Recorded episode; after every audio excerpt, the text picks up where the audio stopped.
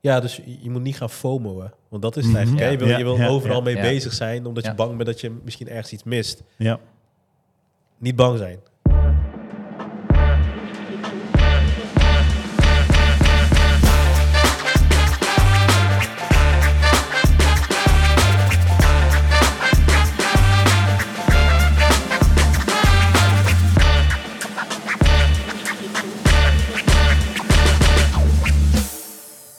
Welkom en leuk dat je luistert naar de eerste aflevering van het nieuwe seizoen van Ondernemer de Podcast.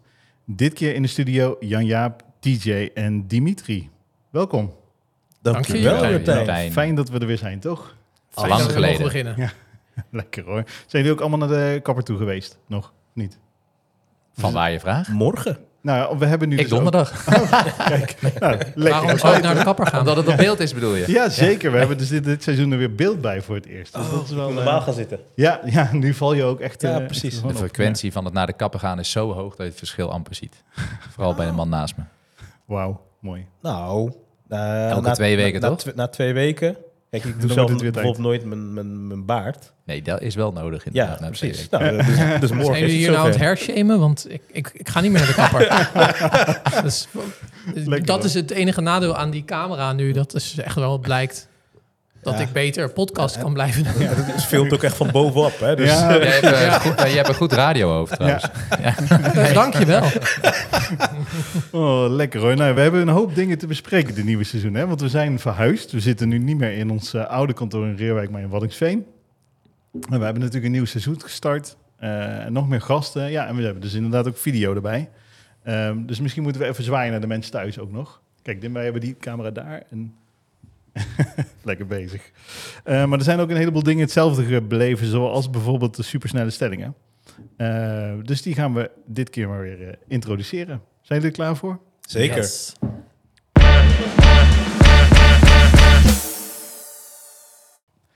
En heeft er iemand eh, voorkeur om te beginnen? Ja, Jan-Jaap moet beginnen. Oké, top. Schiet maar raak.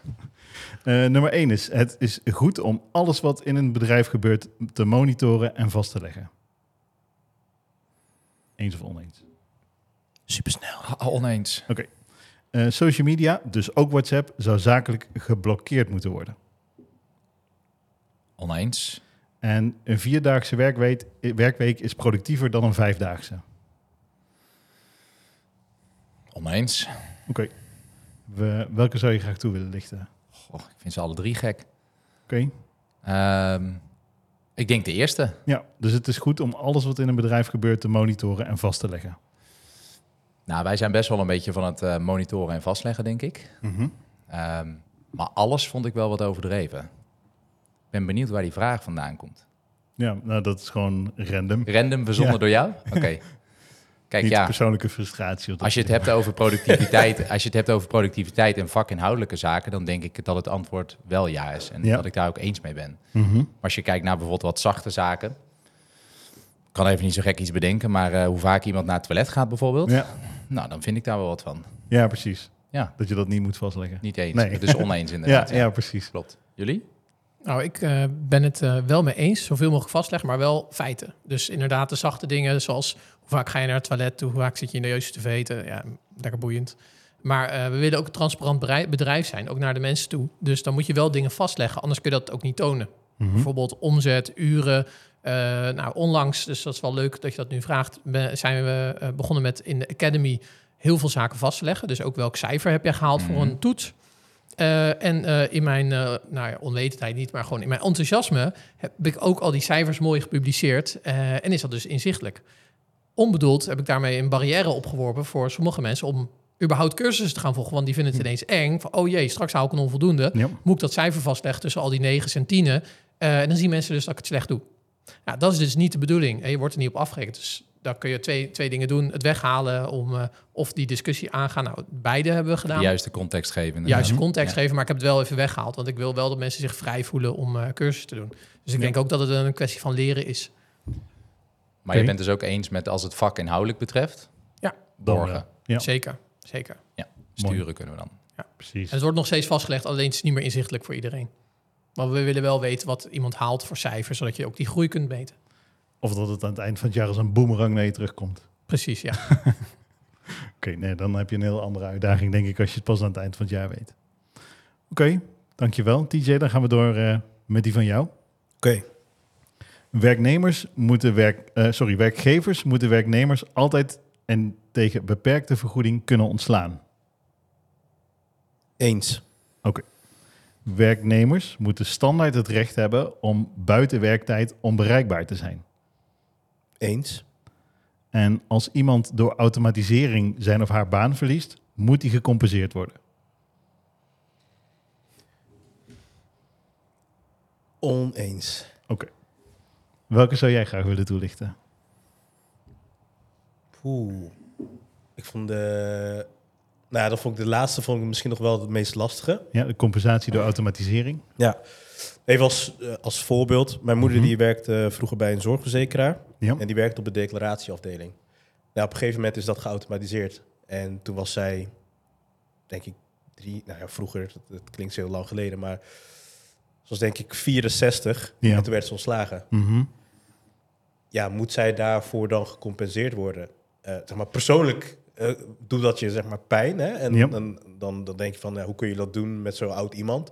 Maar even vanuit een bedrijfstechnisch oogpunt snap ik het. Ja, Ja. je hebt nu software, je automatiseert het proces. Mhm. En je hebt die eh, acht mensen die dat eh, maar handmatig aan het inscannen waren die, en, en aan het verwerken waren, boeken waren, heb je niet meer nodig. Ehm, ik vind wel dat je dan als werkgever natuurlijk, het is een proces, hè, dat, dat, zo'n zo'n zo'n optimalisatie, zo'n automatisering is niet van de ene op de andere dag. Mhm. Dus wat doe je eraan om ervoor te zorgen dat die mensen een andere rol, andere functie binnen je organisatie kunnen bekleden? Ja. En op het moment dat je daar wel zeg maar, aantoonbaar je best voor hebt gedaan, dan vind ik ook, oké, dan moet je ook eh, op een normale manier afscheid kunnen nemen. ja, precies. Dus dan zit de compensatie eerst in gewoon andere, ander werk vinden, zeg maar, binnen dezelfde organisatie. Precies. Ja. Ja. Scholing aanbieden om En, te zorgen en dat mocht ze verder ontslag kunnen toch ontwikkelen. volgen, dan krijgen ze toch alsnog vaak een vergoeding. Misschien deels of volledig word je dan alsnog gecompenseerd. Ja, ja, Hetzelfde zeker. als dat Ja. je iemand die niet eh, ontslagen wordt door automatisering ook wat meegeeft. Mhm. Ja. Ja, zeker. Maar bo- in, het geval van mijn moeder bijvoorbeeld, die was geloof ik 64. Nou, die kreeg dan eh, nog eh een, anderhalf jaar, eh, kreeg ze nog WW. Mhm. En toen moest ze in één keer nog op eh, ergens rond de 66, moest ze nog voor één jaar en vier Ja. maanden gaan solliciteren. En dan echt, Ja. zeg maar, elke Ja. week eh, moesten ze volgens mij vier of vijf sollicitaties doen. Ja. En dat, dat is op zo'n moment ja, best wel lastig. En dan is het leuk dat je wat geld meer hebt gekregen, maar je hebt nog steeds verplichtingen aan de andere kant.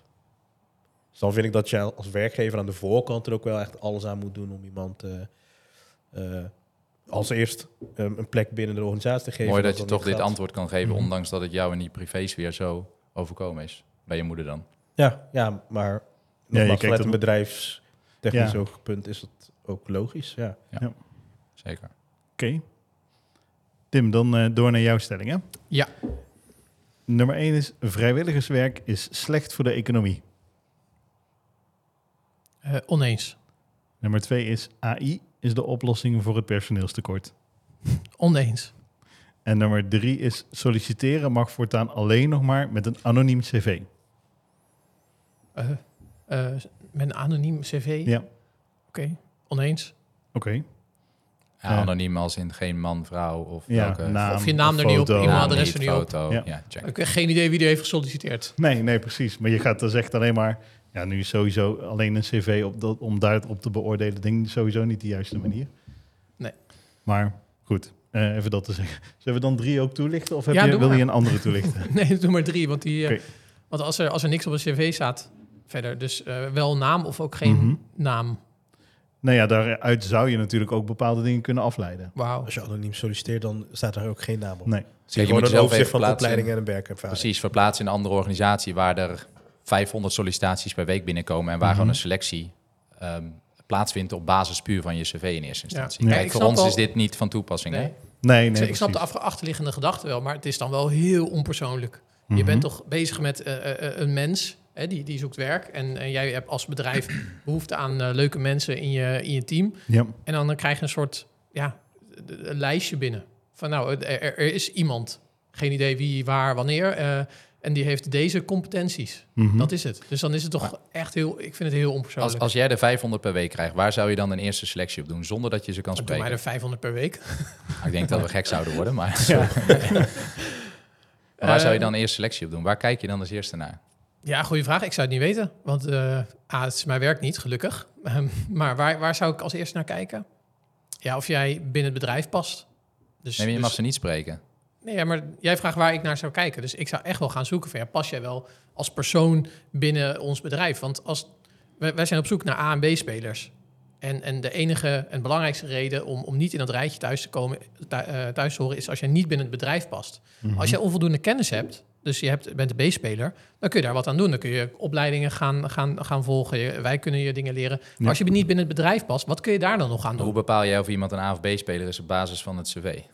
Nou, niet, maar Nee, dit is een van niet. de punten Nee, Nee, daarvan. dat kan dus niet. Dus als ik ergens uit kan opmaken dat je niet binnen het bedrijf past, ja, dan, dan vind ik dat wel een hele belangrijke overweging. Ik zou daar als eerste naar kijken. Ja, oké, maar dan maar kun dat- jij überhaupt dus niet beoordelen op basis van een cv of iemand wel of Precies. niet binnen je En bedrijf. daarom ben ik het er dus mee oneens. Ja. Ik, ik snap zeker zeg maar, de voordelen die het kan hebben aan het begin van het proces. Mhm. Ja, dus daar waar er vooroordelen zijn bij, ik noem het even de gatekeepers, dus de, de recruiters, die mensen afwijzen op basis van een naam, geslacht, een leeftijd, Ja. eh, eh, eh, geloofsovertuiging, noem maar op, snap ik dat dat een voordeel kan zijn. Waar ik echter bang voor ben, is dat als jouw gatekeeper op een bepaalde manier omgaat met, eh, met, met nou, mensen die niet zeg maar, voldoen aan het ideaalplaatje zoals jij dat eh zou Mhm. zien. Hoe is het dan gesteld met de rest van de, van de, eh, van de organisatie? Ja. En stel dat ik eh, door anoniem te solliciteren ergens binnenkom. En ik kom vervolgens in, het, in een omgeving terecht die mij niet accepteert of die niet inclusief is. Wat is dan de waarde geweest? Want ehm, volgens mij zie je ook in best wel wat organisaties dat ze aan de voorkant heel veel energie stoppen in het eh, bouwen van een diverse organisatie. Mhm. Ja, dus heel veel, heel veel aandacht en energie wordt eraan besteed. Alleen de organisatie zelf is niet inclusief. En wat krijg je dan? Ja, je haalt eh, op 100 mensen haal je misschien eh 10 mensen met een, eh, een, een andere achtergrond of een andere geloofsovertuiging binnen. Die voelen zich niet op zijn plek, want Mhm. het is niet on- inclusief. En ze vertrekken weer en zeggen, ja, Ja. kijk, zie je nou, we hebben ons best gedaan. En ze ja, gaan weer alleen- weg. Ja, ja, precies. We hebben alleen op het cv beoordeeld, Precies, maar het past ons nog niet. precies. Oké. Ja, misschien zou je dan die eerste selectie niet door een mens moeten laten doen, maar gewoon puur op basis van data. Ja. Bijvoorbeeld Toch- met toch middel van AI. gamification Ja, of wat toch, dan ook. eh, Ja. Toch wordt weer door AI toch Ja. eh, werken. Om uiteindelijk die hele menselijke factor weg te halen. Of in Ja. ieder geval aan de voorkant. Ja, precies. Als gatekeeper, Ja. kijk, daarna heb je natuurlijk nog een vervolggesprek. En ook daar kun je de keuze maken op basis van inderdaad uiterlijk, uitstraling. Maar ook. AI Achtergrond, wat wordt uiteindelijk gevoed door het gedrag van jou als organisatie. Ja. Ook daar is volgens mij al meerdere malen aangetoond dat ehm, ook AI zeg maar eh bias is. Mhm. Net zoals dat, ehm, even bijvoorbeeld zelf, eh, iets, iets totaal anders, zelfrijdende auto's. Ehm, als wij allebei eh, voor een zelfrijdende auto langs lopen, heb ik volgens mij iets van 50 of 60 procent meer kans dan jij om geraakt te worden, omdat hij mij niet herkent. Op basis van de data die is ingegeven ehm, als zijnde hoe herken je een persoon. Ik ben ook een stuk langer, hè? dus hij ziet mij ook waarschijnlijk. Ja. ik denk dat die eh, wat is het, eh, 20 centimeter eh, niet het verschil op, op, op- dat niet het schil, verschil maakt. Dat is gebaseerd op basis van zeg maar eh, huidskleur in dit geval. Nou, en dat is zeg maar even een zelfrijdende auto. Nou, diezelfde systematiek, hè, dat is ook, je moet, eh, AI is niet iets wat uit zichzelf ontstaat. Dat is gevoed door mensen. Dus data wat verzameld wordt, wat uiteindelijk op een bepaalde manier toegepast wordt. Ja. Vind het wel een heftige uitspraak trouwens, maar daar moeten we misschien een keer buiten de uitzending nog over hebben. Ja, ik heb die feiten niet paraat om daar eh, inhoudelijk op te reageren. Het lijkt mij sterk, want als je gewoon KPI's meegeeft aan de, bijvoorbeeld de gamification... en diegene weet niet wie die games uiteindelijk speelt... hoe bepaalt hij dan of jij een donkere of een lichte huidskleur hebt? Ja, nee, maar je hebt dus ook, nee, maar je hebt dus ook oh, gewoon AI recruitment tools die, die op basis van cv's, et cetera. En nou, de- ik snap de techniek daarachter ook niet hoor, maar Ja. Ja, Tot zover eh, de super lange stelling. Ja. Oh, super. Ja, kun je niet, kun je, daar kun je geen andere naam voor, eh, voor verzinnen. Nee, laten we gewoon lekker op lang houden. Ehm, nou ja, de- een trommel of? eh? het is, het is maar goed dat er beeld bij zit nu. Want anders dan denk je als je de podcast luistert, huh, wat? Kunt u wel binnenstormen. Ja, precies. Ehm, nou, heb je nou zelf ook nog een stelling die je graag in die podcast terug wil horen? Dat kan. Stuur dan een mailtje naar marketing.foxter.nl. We hebben hem de vorige keer in de bonusaflevering ook genoemd. Het is niet, niet meer info.foxter.nl, maar marketing.foxter.nl. Zodat jullie het niet direct kunnen lezen. Anders kun je zelf nog voorbereiding op de- voorbereiden op de stellingen. Eh, en wie weet hoor je jouw eh, stelling in een van de volgende afleveringen terug. Goed, dan gaan we door naar het onderwerp van deze week. En dat is focus.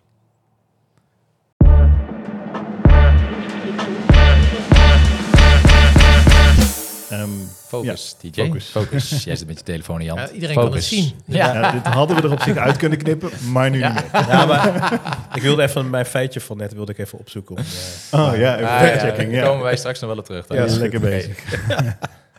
hey, focus. Ehm, ja, ik kan me voorstellen dat als je net begint, dat het dan wel lastig is om, eh, om focus te houden. Zeker met vier oprichters. Heb je daar in het begin afspraken over gemaakt? semi. Ja, niet echt zo specifiek. We, hebben, we, we hadden een rolverdeling, maar uiteindelijk was iedereen met eigenlijk alles wel bezig. En dat is eigenlijk tot en met dit jaar is dat eigenlijk wel zo doorgaan. Dus laat zeggen, de eerste 2,5 jaar was hè, en iedereen was voornamelijk wel met één of twee hoofdtaken bezig. Maar uiteindelijk deed iedereen alles en bemoeide iedereen zich overal mee.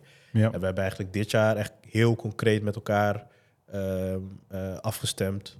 Dit is jouw focusgebied, Mhm. daar bemoei ik me niet mee. Punt. Nee, precies. Dus aan de voorkant hadden we wel focus, maar we zijn het gaandeweg eigenlijk verloren. Nou, als je net begint, dan moet je ook focus hebben op werk krijgen en werk wegzetten. Mhm. Dat, en dat was voor ons ook zo. En later wordt dat minder belangrijk. eh, of niet, niet minder belangrijk, maar dan, dan ga je die focus verleggen. Dus dan bepaal je van één persoon heeft die focus en een andere persoon heeft weer een andere focus. Omdat als je bedrijf groeit, worden andere dingen ook belangrijk. En kun je niet Ja. alleen maar meer met sales en eh, de, de, het werk wegzetten bezig zijn. Mhm. Eens. Ja, ons focuslijstje werd eigenlijk alleen maar langer en langer, zeg maar, in plaats Ja. van minder en minder, Ja. wat het zou moeten zijn. ja. ja. 15 dingen tegelijkertijd bezig. Ja, in En het begin dus- deden we dat ook met z'n vieren, 15 dingen tegelijkertijd. Ja. Ik kan me wel voorstellen dat het heel ontzettend veel stress geeft ook. Ik kan wel nu, op den eh, wel. een grapje Ja. maken over de kapper, maar Toen je begon was, hadden, ah, toen we begonnen Ik had je begon nog met Ja. en ik had wat minder rimpels. Tot, Ik had minder grijs haar. Ja. Ja, hoe, hoe belangrijk vinden jullie focus dan nu, nu je bijna drie jaar onderweg bent? heel belangrijk. Ik denk belangrijker dan aan het begin, Mhm. omdat je nu de impact ervan ervaart. Ja, Toch? Eens. Ja. Het geeft ook rust. Ja. Dus als jij niet meer met alles bezig hoeft te zijn, kun je ook gewoon zeggen van oké, ik lees dit en ik laat het. Want ik Ja. weet dat mijn collega het oppakt. Precies. En aan het begin was het van, oh jee, eh, er is iets, we moeten het doen. En dan gaan we alle vier keihard rennen. Mhm. Terwijl als eentje gaat rennen, is dat ook gewoon prima. ja. Betekent dat dan ook dat je eigenlijk, als je dit vanaf het begin af aan had geweten, dat je dan beter resultaten had kunnen boeken?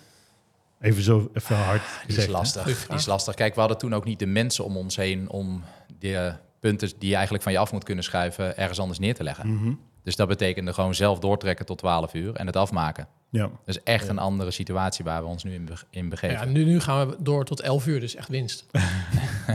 Ja, maar ik denk, kijk, we hebben met z'n vieren hebben we dat fundament kunnen bouwen. ja. En we hadden ook kunnen wachten, bij wijze van spreken, totdat Dimitri het fundament had gebouwd. En wij stonden zeg maar buiten de bloemetjes water te geven. Mhm. Maar dat, dan had het uiteindelijk langer geduurd Ja. dat we op dit niveau waren. Ja, we hebben gewoon heel hard gebouwd met z'n vieren. Ja. En eh, af en toe deed ik eh, het, het, het smeerwerk en eh, legde Jaap zeg maar de, de bakstenen. En soms andersom. Mhm. Maar dat maakt in die beginfase niet uit. Alleen nu, nu staat er dan gewoon een stevig fundament. En kan, hij kan de glazen doen, eh, hij, kan, eh, hij kan koken. En zo heb je een, een, een verdeling met elkaar. En Ja. kun je weer verder bouwen. ja, precies.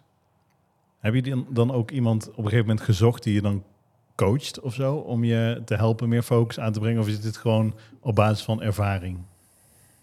Van, hé, hey, wacht even. Dit we heb hebben wel een coach nu, Beide. die eh, heeft ons hierbij geholpen. Maar Mhm. ook op ons eigen verzoek. Omdat, eh, dus dat is, dat is meer een algemeen coachingstraject waar we in zitten. Ja. Eh, en dit is een van de pijlpunten. Van ja, waar loop je tegenaan? Nou, dat we eigenlijk na zoveel eh, eh, jaar nog steeds bezig zijn met z'n allen alles te doen. Nou, zoveel jaar, twee jaar was Misschien dat. een Ja. van de belangrijkste leerpunten, denk ik. Jazeker. Toch? Mhm. Ja. Ja. Maar dat de brengt rust die heel dat veel. geeft, hè? Ja. Ja, ja, Ja, precies. Ja, rust, en veel. focus. Ja, en eigenlijk is het zo simpel. want Dat is vaak met alle oplossingen. Ja, alleen Want op het een was geen hogere wiskunde Nee. zeg maar, tijdens die coach sessions. Het was eigenlijk gewoon, ze vertellen je wat je eigenlijk al weet, maar ga het nu eens even doen. Ja, even de spiegel voorhouden. Precies. Ja. Toch? Ja, nee, Ja, dat is echt. Dacht ik had deze training zelf ook kunnen nemen, maar Ja. waarom hebben we het dan zelf niet bedacht? Helaas, zeg maar ja. dat. ja. En wie Ja. focust zich dan nu waarop? ja, nog steeds allemaal een beetje. Nou, het leuke is, iedereen kan zich er nog steeds met alles bemoeien. Ja, maar nu ja, kun je ja. zeggen van ja, oké, maar ik trek me niks van jouw mening aan. Nee, precies. Daar Dus zijn we het nog steeds goed in, met z'n allen Ja. bemoeien met alles. Maar Ja. dat wordt wel echt minder, Maar toch? daar ben je ook een Ja, beetje ondernemer voor, toch? liefde. Ja, tuurlijk.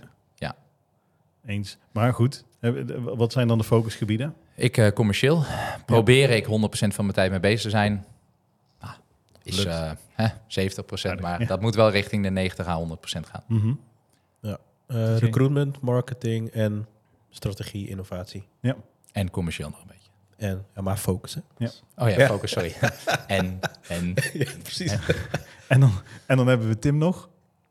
Innovatie, innovatie Echt en innovatie. techniek, hè? Ja. En jij, Dim. operatie en administratie. Ja, mooi. Ja. Is er dan ook nog een soort van algemene Voxter focus? En waar bedoel je op?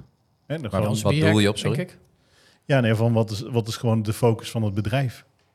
Is die, is die er over een heel jaar? Tuurlijk is er natuurlijk waarschijnlijk een, een omzettarget of, of een doel wat Mhm. je wil, met elkaar wil gaan halen. Maar goed, dat is misschien ook... En we weten allemaal dat zo'n doel heel erg groot op zichzelf kan zijn. Misschien moet je hem opknippen in... Hè, over, dan wil ik over vier maanden dit en over vier weken dit. Dus ik ga in over vier dagen dat doen. En dit doe ik de aankomende vier uur. Je hebt ook een keer een training gehad? Ja, wel. Die ken ik ook nog. Allemaal een soort vanzelfde, ja. Nou, het, is wel een super goede methodiek trouwens, hè, om dingen echt die heel groot zijn, heel Ja. klein te kunnen maken. Ja. Maar ik kan me wel voorstellen dat je dan ook gewoon een, een soort van subdoelen hebt, toch? Subfocussen per. Tuurlijk, over het hele bedrijf heen. Eh, dat kan zijn omzetgroei, dat kan eh, populatie zijn, kwaliteit ehm, van projecten of hoe je met elkaar omgaat. Nou, bijvoorbeeld het pand waar we ons nu in begeven was ook een Ja. focuspunt voor dit jaar. Of salesdoelen die we hebben, Ja, marketingdoelen. maar doe je het allemaal tegelijk? Nee, kijk, wat we in ieder geval sowieso voor dit jaar hebben gedaan, is we hebben gezegd, oké, we gaan per kwartaal gaan we in ieder geval één belangrijkste doel uit, eh, eh, uitlichten. Mhm. Nou, voor Q1 hebben wij de focus gelegd op het aantal salesafspraken. En. Dat was zowel nieuw business als customer base. En nou, daar hebben we een doelstelling aan gehangen. Nou, daar zijn we nu naar onderweg. Nou, nog Mhm. een paar weekjes en dan, eh, dan zit Q1 erop. Ja. En dan gaan we, nou, voor, nou we hebben aankomende donderdag hebben we weer een kwartaalsessie. En dan gaan we eh, het belangrijkste doel voor Q2 met elkaar bepalen. ja, precies. En nou ja, we, we hebben vorig jaar hebben we al enigszins nagedacht over hoe willen we ongeveer dat het jaar gaat lopen. Mhm. Ehm, en het idee was eh, Q1 focus op, eh, op omzetgroei. En dat, nou, dat is gerelateerd aan die afspraken. Ja, Q2 wat meer focus op kwaliteit. Eh, Q3 weer meer op omzet. En Q4 weer op kwaliteit. Nou, ja. Ik weet nog niet wat het uiteindelijke doel gaat worden voor eh, Q2. Maar het zal waarschijnlijk wel een beetje in die richting zitten. ja. Maar dat ook. betekent dus dat je de, eh, de basis die je nu legt hè, voor dit kwartaal, namelijk afspraken target, dat je die dus wel de rest van het jaar vol gaat houden. Maar dat dan dus de focus gaat veranderen naar een ander onderwerp, namelijk kwaliteit. Ja, dus het is wel natuurlijk het, het doel om een bepaalde werkwijze neer te Mhm. zetten. Ja. En, de werkwijze die we nu hebben neergezet om eh, zeg maar, de, nou, 80 afspraken in Q1 te realiseren. Ja, Dat zit als het goed is zometeen bij iedereen in het systeem eh, die daaraan meewerkt. ja, En dan kun je daar gewoon op voorbeduren. Hè. Het moet toch een soort van nieuw normaal worden. ja. En dat gaan we hetzelfde weer doen in Q2. Maar als iets normaal is, dan doe je er 10.000 euro over. Hè? Dan is het normaal geworden. Neem even een andere managementtraining. Is, dan, is daarom ook bewust voor gekozen dat je er een heel kwartaal aan werkt om die 10.000 euro ongeveer te halen? Ik weet niet of je dat trouwens zou 10.000 halen, maar- euro uur hebben we niet benoemd aan de Nee. voorkant, denk ik. Nee, maar, meer omdat dat is nodig om echt een patroon er ergens in te slijten, zeg maar, en echt goed te worden. Nou, ik denk ook dat we er nog niet zijn. Die 10.000 uur hebben we nog niet gehaald. Nee, nee, precies. Maar juist doordat we die focus en niet een paar weken, maar een paar maanden erop Ja. leggen, zie je wel Mhm. dat de resultaten er komen. Ja, En dat is waar je het uiteindelijk voor doet. Precies. ja.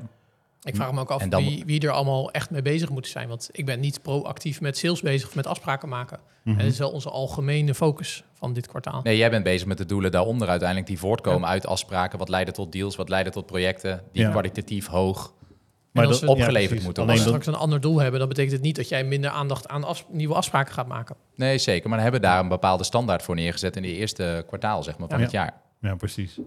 En nu die focus er is, merk je dat het ook wat doet in de resultaten? Of misschien niet alleen in de resultaten, maar meer in de vibe of zo die je dan hebt binnen het bedrijf? Zeker. Je hebt met, een, met elkaar een helder, concreet, gezamenlijk doel waar je Mhm. ook alles aan kan hangen.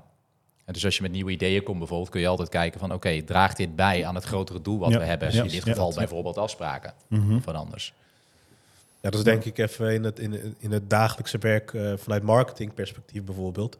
Eh, nou ja, we, we, wij hebben wekelijks overleg. En eigenlijk altijd komt het terug, nou, sinds, eh, sinds we dat dit doel hebben, Mhm. draagt het bij aan het doel? Ja. Hè, ik, eh, ik heb een leuk idee, super vet, dit en dat, zo en zo. Maar gaat dit bijdragen aan het doel? Eh, ja, eigenlijk niet, ja. Eh, moeten we dan niet iets anders doen om ja. het wel direct bijdraagt? Ja. En- want hoe kijk jij daarnaar? Want wij ki- bekijken dit dan even vanuit een marketing- en salesperspectief. en daar Dat is een beetje het punt ook dat er nu drie tegen één eh aan tafel zitten. Ja, volgende keer dan gaat het denk over jij gewoon, ja, kwaliteit. boeien. Ja. Maar eh, zorg gewoon voor een as, zorg Ja. gewoon voor een deal. Ja. Nou, eh, feitelijk komt het daar wel op neer. Ja. Tuurlijk, want ik, ik kan me er niet te veel mee bemoeien, want ik heb mijn eigen focus. Ja. Maar eh, zo- zoals we allemaal weten is alles marketing Eh, en, eh, en sales dus ook. Dus ja, zijdelings hebben we er wel degelijk mee te maken. Mhm. En als er te weinig afspraken zijn, eh, dan betekent het dat, dat, dat wij geen werk hebben. En heel veel afspraken komen ook weer uit repeterende omzet. Of, of eh, je zit bij een klant en er komt een nieuwe afspraak bij die klant. Ja. En dat moet dus echt vanuit de operatie komen. Je kan niet overal op zitten, elke klant eh, elke dag bezoeken als, als zijnde sales. Dus ja, je hebt ermee te maken. Maar dat is denk ik eh, operatie, eh, of, of dat, dat is altijd in de operatie, Mhm. dat je overal mee te maken hebt. Want- Voelen jouw mensen dit target ook? Nee, no- niet genoeg. Maar eh, dat is ook nu niet de focus. De focus nu dit jaar is kwaliteit omhoog brengen van de mensen. Of, sorry, van het werk. Mhm. Eh, en ook van de mensen, ook van de operatie. Dus Ja. ik kan niet alles tegelijk willen. We kunnen niet zeggen, oké, we gaan de kwaliteit van het werk omhoog brengen. Maar ze moeten ook voldoende salesafspraken maken. En ze moeten ook aan marketing doen. En ze moeten Ja. ook aan dit doen. Dat gaat niet. Maar dat betekent dus, hè, dat, kwartaal bijna is afgelopen. Het volgende kwartaal gaat over kwaliteit. Dat jij daar nu dus ergens al op voor, voor aan het sorteren bent. Nee. Oké. Nee, want ik ben vanaf eh 1 januari bezig met kwaliteit Ja, daarom. zetten. Ga Ja. ik niet mee wachten. Nee, maar dan is het jouw specifieke doel, zeg maar, voor jouw afdeling. En niet het grote algemene bedrijfsbrede doel. Toch? Als ik het zo begrijp. Want, Nou, het kan een groot algemeen bedrijfsdoel worden in Q2. ja, in Q2. maar voor ja. hem is het gewoon 12 maanden in het jaar. ja, zijn belangrijk. doel. Ja, Tuurlijk. Ja. eens. En het is dan denk ik meer aan de... eh, dat we in de uitingen naar de mensen toe of naar buiten toe daar wat meer extra aandacht aan besteden. Ehm, de- meer dan dat we echt iets dingen gaan veranderen. Want dat moet altijd gebeuren. Niet Ja. alleen maar één kwartaal in het jaar. Maar jij zegt net, mijn mensen voelen die, die, die 100 afspraken die we moeten maken dit jaar of dit kwartaal, die voelen dat niet. En misschien zouden we daar nog wel meer lading aan moeten kunnen geven. Want uiteindelijk is het wel belangrijk dat iedereen het gaat voelen. Nou, Want het dat is een waar. algeheel bedrijfsdoel, zeg maar, Mhm. voor, voor, voor Q1 en niet Ja. ons doeltje hier aan Precies. tafel. Maar dat is denk ik ook wel een beetje in het vak van consultie of advies. Dat, oké, ja, ik ben de expert. eh, jullie moeten maar, jullie hè, in het algemeen, moeten maar zorgen dat ik werk heb. En dan doe ik dat werk goed. Dat heb ik overal eh, meegemaakt. En, dat is, en je hebt altijd de druk van sales. Maar die voel je pas als je geen werk hebt. Als jij goed bent in je werk en je, je, je wordt snel ingezet, dan heb je daar natuurlijk geen last van. Nee. En als er genoeg werk is, nou, eh, halleluja. Maar Mhm. als er, geen, als er niet genoeg werk hebt, of je hebt een dag leeglopen en je wordt gebeld in één keer door je manager of, of door mij en van ja, wa- wat ben je aan het doen? Mhm. Je- ik zie dat je leeggelopen hebt, eh, ik heb nog klusjes voor je. Dan ga je hem pas voelen van, oh ja, Ja. ik heb leeggelopen en dan moet ik allemaal rotklusjes gaan doen. Daar heb ik Ja. helemaal geen zin in. Dus ik moet aan de bak. Dan kun je twee dingen doen. Zelf die verantwoordelijkheid nemen en eh, eh, je eigen agenda gaan bijhouden. Mhm. Of inderdaad gaan, gaan nou ja, zeuren, wil ik het ook niet per se noemen, maar zeggen van ja, eh, ik heb geen werk, jullie moeten voor werk zorgen. Want we zijn allemaal experts, we vinden dat we expert zijn, dus dat brengt ook een hoge mate van professionaliteit met, met zich mee Mhm. en een hoge mate van verantwoordelijkheid. Ja. Er, ergens wel zonde eigenlijk. Want als consultants meer alert zijn op kansen en daarmee dus afspraken maken voor sales, zou dat vliegwiel nog harder gaan. Het gaat al goed hè, door de focus die wij er dan vanuit marketing en sales blijkbaar alleen op leggen en niet vanuit de operatie. Eh, maar stel nou dat de operatie dat wel had gedaan het afgelopen kwartaal, dan hadden ze dat ook meer in hun systeem. Hè? We die 10.000 uur. Eh, dan hadden we misschien niet die 10.000 uur gehaald. Eh, maar door ermee bezig te zijn actief vanuit de operatie, had dat meer bij kunnen dragen. Dus blijkbaar dan dat We kunnen niet zeggen dat Nou, het niet gebeurt. Hè. ik Het, wou net gebeurt zeggen, het gebeurt We natuurlijk doen wel. voldoende trainingen en eh, nou, Jaap, jij geeft zelf ook een van die trainingen, maar je moet een, een Nee, maar je afweging... zegt het leeft niet. Nee, het leeft niet voldoende. Het leeft niet voldoende. We- Je moet een afweging maken met, ja, wat, wat wil je voor een consultant? Wil je een consultant hebben die communicatief heel vaardig is en, en saleskansen ruikt, maar inhoudelijk heel slecht? Want die valt snel door de mand. Of iemand die inhoudelijk heel goed is eh, en, en, en wat minder goed op het andere vlak. Je kan niet beide ik altijd merk vaak hebben. dat de consultants jeuk krijgen van het woord sales. Mhm. Eigenlijk zou je zou dat woordje sales eraf moeten hebben. Het is eigenlijk een kans voor de klant. Nou is dit natuurlijk klinkt bijna weer even als een Het klinkt gladde, bijna nog viezer. als een, als een, een gladde sales praat, maar uiteindelijk ga je die klant naar een hoog niveau brengen. Ja. En je gaat zorgen dat die klant beter gebruik gaat maken van A- voor AFAS, Ja. van AFAS in dit geval.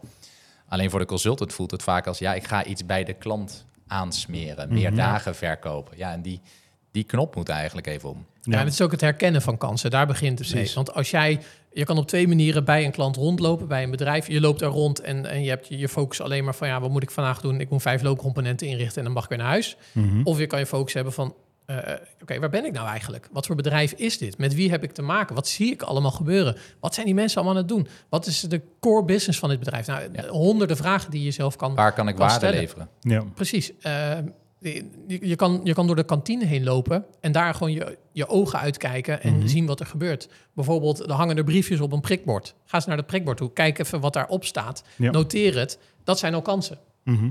Nou, Eens. En, en zo kun je, kun, kan ik nog wel honderden dingen opnoemen. Dat zit, daar begint het ook mee. Ja. Dus die, die awareness zijn we aan het creëren bij mensen. Maar daar hoort ook een stukje ervaring mee en een stukje kennis. Want als jij de kennis niet hebt, dan weet je ook niet of iets een kans is. Mhm. Of het wel kan.